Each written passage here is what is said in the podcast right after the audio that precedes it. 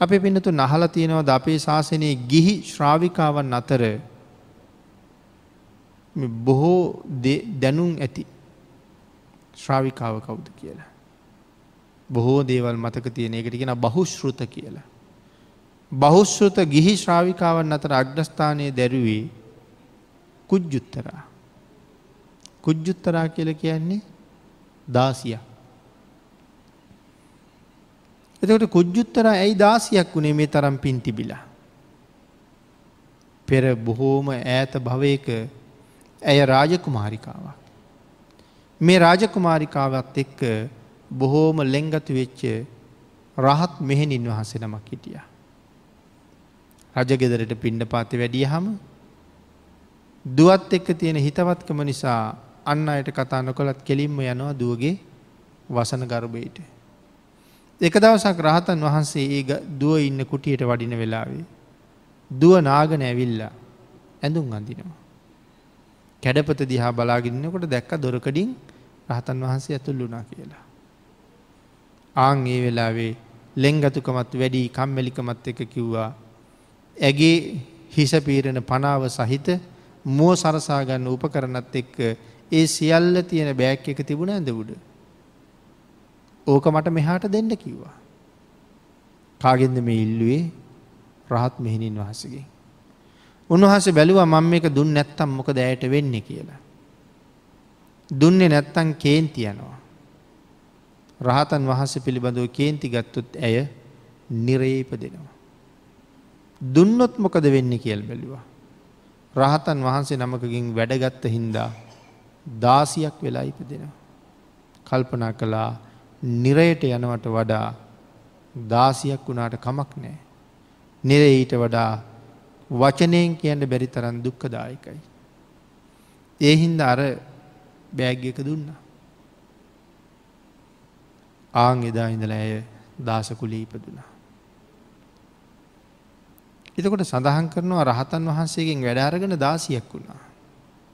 අපිට පුළුවන් කාලේ අම්මගෙන් තාත්තගෙන් වැඩගන්නවා කියල කියන්නේ ඒකත් මීට සාපේක්ෂම තමයි කියන කාරණාවයි තහවුරු කරන්න.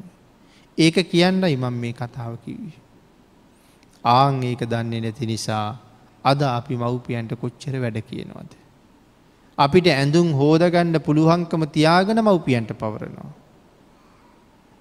අපිට උයාපිහාගණ්ඩ පුළුවන්කම තියාගෙන මව්පියන්ට පවරනවා. සමහර අය තමන්ගේ දරුමල්ලු බලාගණ්ඩත් මව්පියෝය කියනවා. වැඩකාරකමට එක ගෙහෙල්තියෙන්. ඒ නම විතරයි නැත්ති. අපිත් හදල දහදුක් විඳලා දැන්වත් ඒ අයට නිදහස් වෙලා පිනත් දහමක් කරගණ්ඩ ඉඩ දෙන්නේ නෑ ඒගොල්ලන්ගේ දරුව හදාගන්න මුණුබුරු මිනිබිරිිය බලාගණ්ඩ එක්ක යන්නේ අම්ම. එක්ක යන්නේ තාත් අවත්ත පිටිය බලාගන්නට. එහෙනම් මෙහෙකාර සේවය යොදෝල්ලා මොන තත්ත්වයකට මූුණ දෙන්න වෙයිද දන්නේ නෑ ඊළඟ භවයල්ලල. ආංගේ කර්මයයි පලයයි හරියටම දරන්න පුළුහන්නම් කොයි තරං වටිනවාද. අම්ම කොච්චර ගරුද තාච්චා කොච්චර දරුද. පිනතින සෝවාන් ආර්යශ්‍රාවකයෙක් මැරුවොත් ඒක ආනන්තරීය පාප කර්මයක් වෙනවද.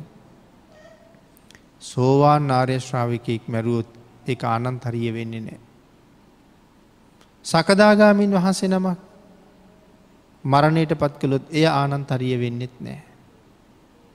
ඊට අමතරව අනාගාමින් වහන්සේ නමක් මරණයට පත් කළොත් ඒක ආනන්තරියකු අකුසලයක් වෙන්නෙත් නෑ. ඒ වුණට හිතන්නකෝ පන්සිල්වත් නැති වුණාට අම්ම තාත් අමරණයට පත් කළු ආනන්තරීය පාප කර්මයක්. එනම් මොන තරං බරපතල තැනක මව්පියෝ ඉන්නවාද. ආං ඒක නිසා හැම වෙලාම මව්පියන්ට අපි ගුණයෙන් දයාවෙන්ම කටයුතු කරන්න ඕන.